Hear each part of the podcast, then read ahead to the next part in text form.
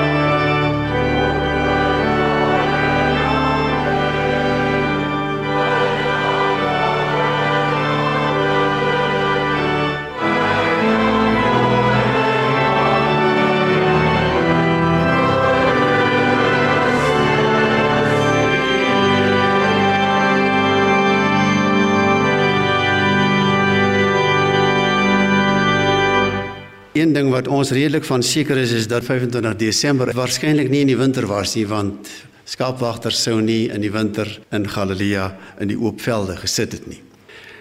En Koos Du Plessis het ons 'n guns gedoen deur ons 'n lied te gee wat ons herinner daaraan dat jy kan in die somer ook Kersfees vier. En ons gaan veraloggend sy eerste en sy derde strofe sing want in 'n groot mate lê die tema van die prediking vanmôre in die derde strofe. Voel jy ook nou sy warm liefde as ons die dag gedenk toe hy sy seun aan ons gegee het, ons grootste Kersgeskenk. Kom ons sing die eerste en die derde strofe van lied 358.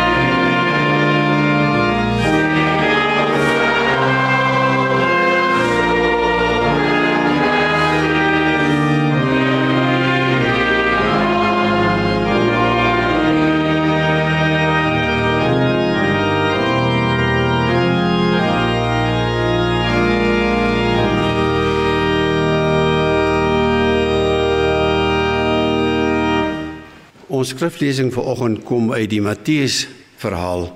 Matteus hoofstuk 1 vers 18 tot en met vers 25. Soos ons in hierdie gemeente dikwels doen, kom ons buig ons hoofde en ons soek die hulp van God deur sy Gees om vir ons te help verstaan. Wonderlike Here, dankie dat ons op hierdie dag U naam mag aanroep. Dankie dat ons hierdie jaar Kersfees op 'n Sondag mag vier, die dag van u opstanding, die dag van nuwe lewe.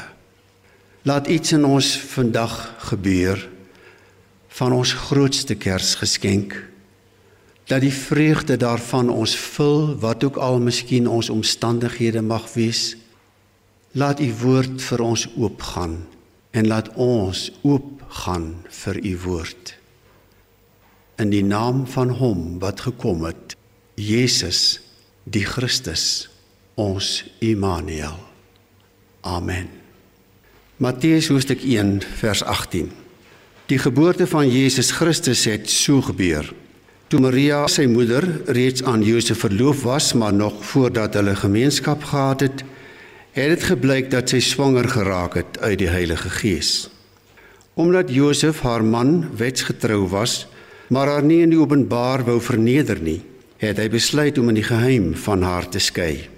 En terwyl hy daaroor nagedink het, het daar skielik 'n engel van die Here in 'n droom aan hom verskyn en gesê: "Josef, seun van Dawid, moenie bang wees om Maria as jou vrou by jou te neem nie, want wat in haar verwek is, is uit die Heilige Gees.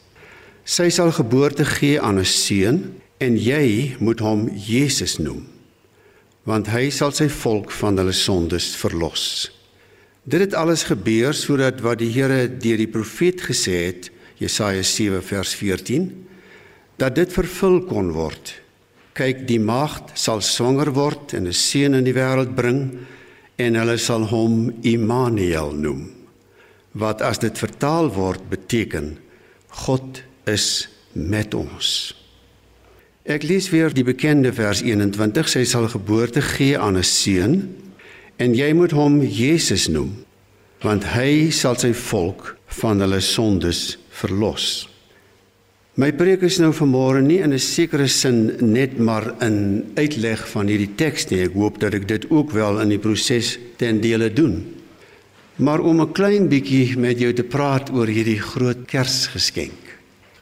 In die meeste tradisies is daar gisteraand Kersgeskenke uitgedeel. Sommige tradisies Kersfeesoggend. In my kinderdae moes ons 'n kous ophang en een of ander tyd deur die nag het Kersvader iets daarin kom sit. So ons het ook as kinders Kersoggend Kersgeskenke oopgemaak. My kleinkinders lag dikwels vir my want ek kan nie papier skeer nie. Dus ek vat daai kleefband en ek maak hom los om hom so netjies moontlik oop te maak. Dis dit vat my 'n bietjie langer as ander wat hom sommer oopskeer, wat het ek gekry? Wat het ek gekry?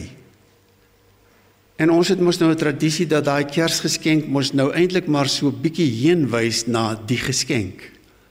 En my preek vanmôre gaan oor wat het ons nou eintlik gekry? Dat God ons sy seun gegee het. Ons grootste Kersgeskenk. Dr Andrew Murray het by geleentheid 'n beeld gebruik oor hoe baie mense hulle verlossing sien. Hulle in term wat in die NG Kerk redelik algemeen gebruik was vir baie jare, hulle neem Jesus aan en hulle ontvang hom soos 'n beursie wat vol is van alles wat jy lewenslank gaan nodig kry om van te lewe. Alles is daarin.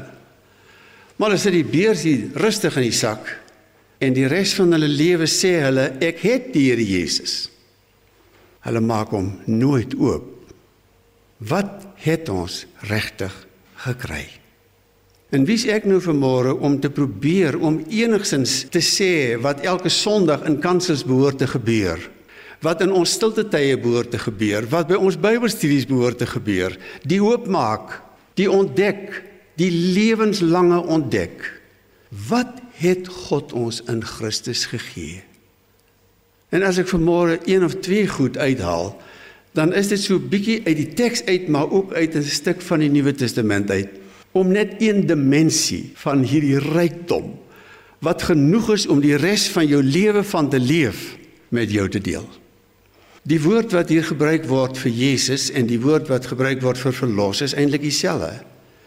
Dit het daai diep ryk Ou Testamentiese inhoud wat die naam Josia byvoorbeeld ook dra.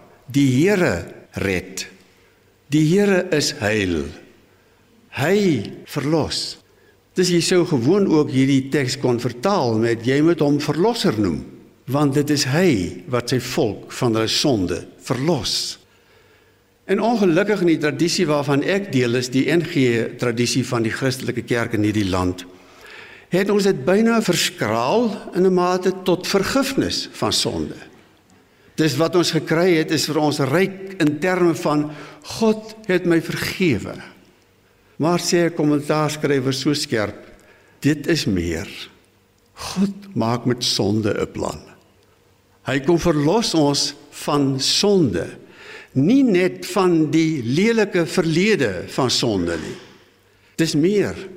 Dis baie meer. Die begrip wat in die Griekse taal hier gebruik word, sou ook vertaal kan word met gewoon red uit 'n desperate situasie. Om jou desperate situasie so te verander dat jy herstel word vir 'n nuwe staat van goedgang. Die Engelse woord well-being. Dit word selfs met herstel en herskep vertaal. En dit is nou vanmôre dink ek die pylpunt van die preek wat ek graag met jou wil deel. God het ons menswees vir ons teruggegee. In Christus Jesus kry ons ons menswees terug.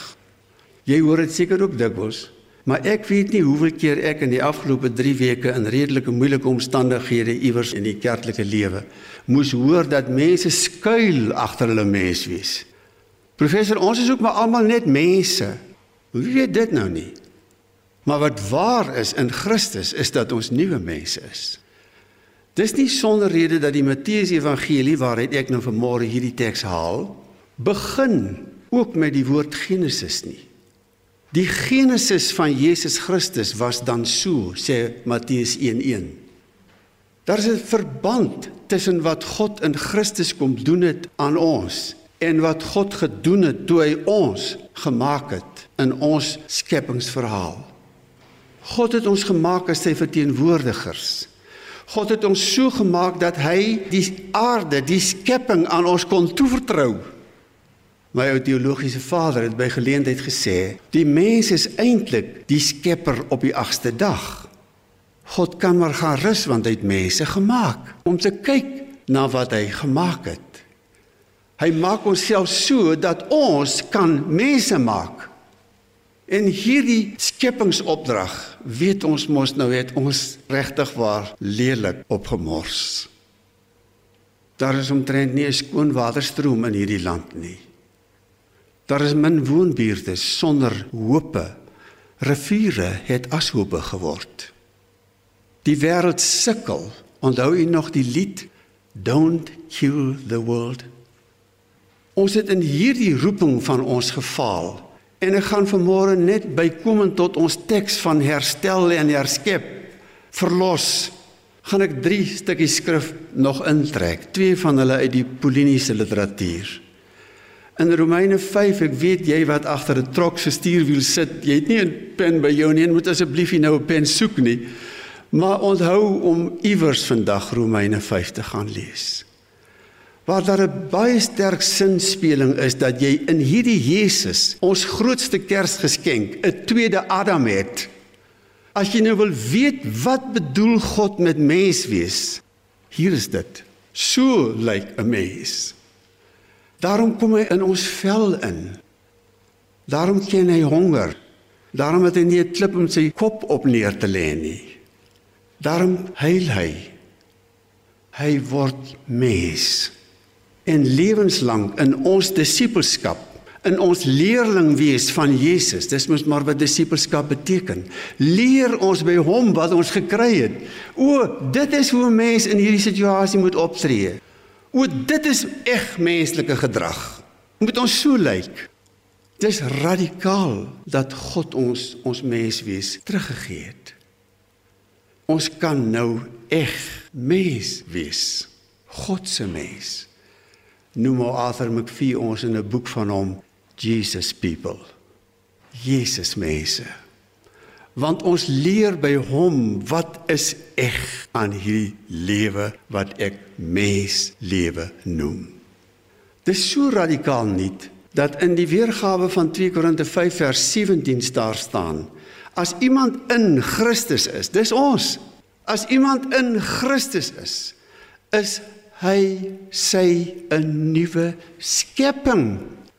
Jy's eintlik 'n oorgemaakte mens.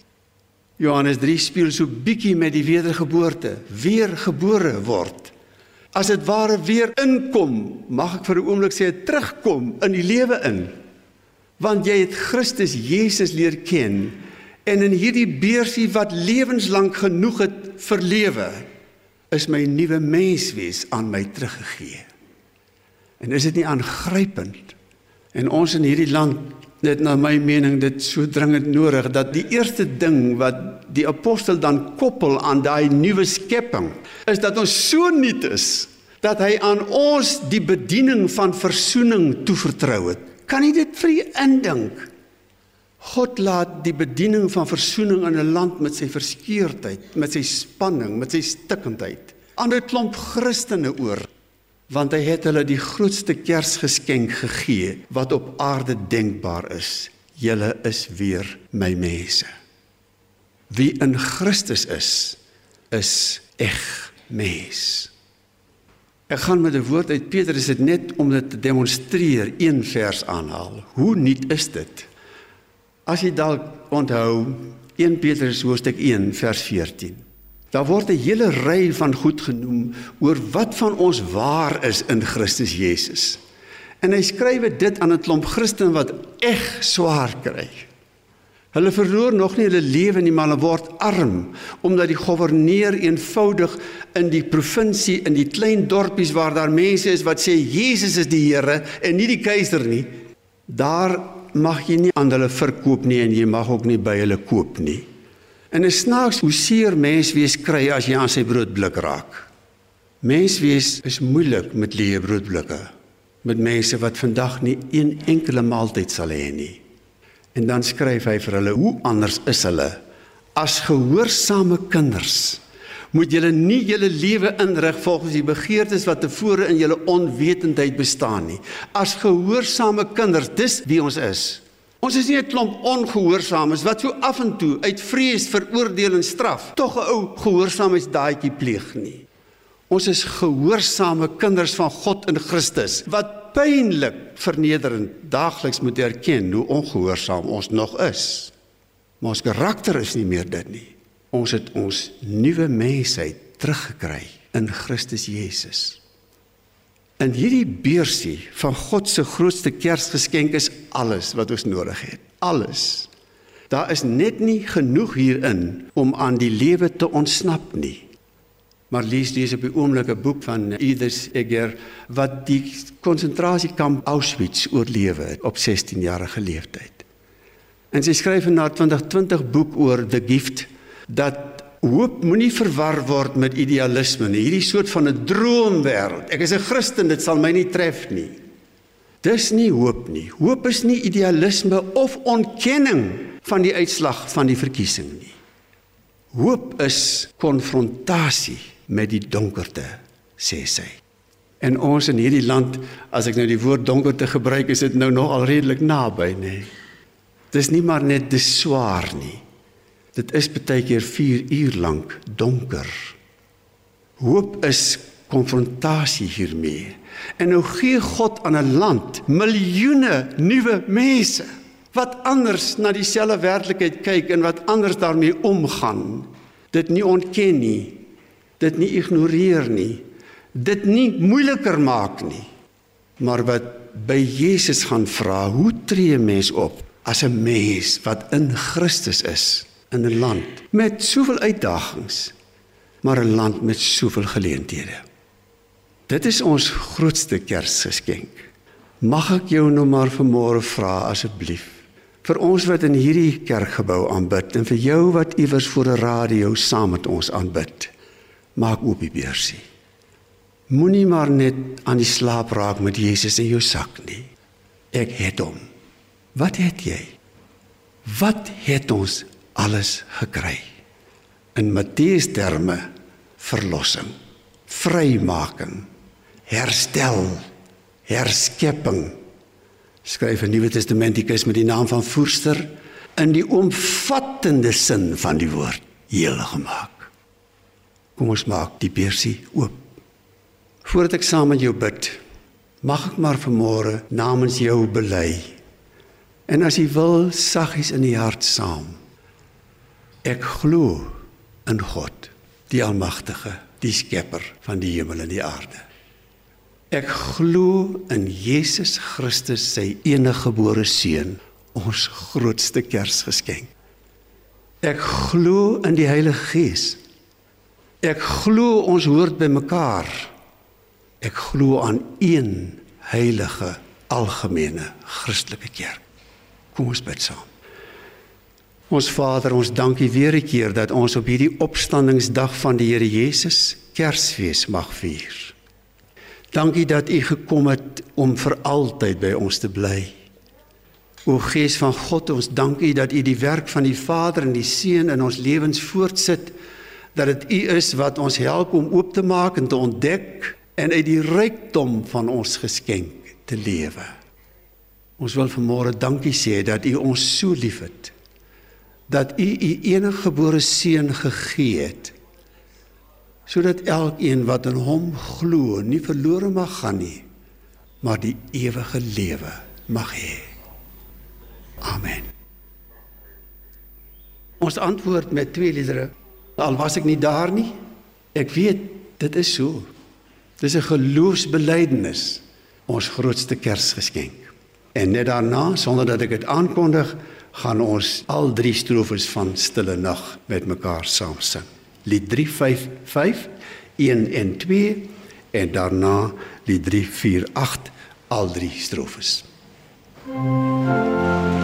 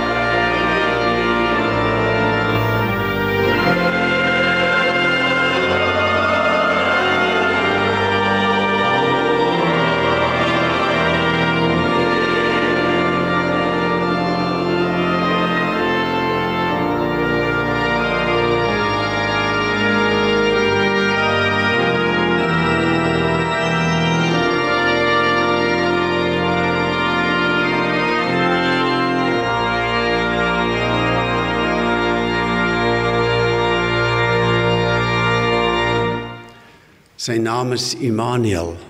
Waar hy ook al is, God is met ons. Die genade van die Here Jesus, die Christus, die liefde van God en die gemeenskap van die Heilige Gees gaan met u.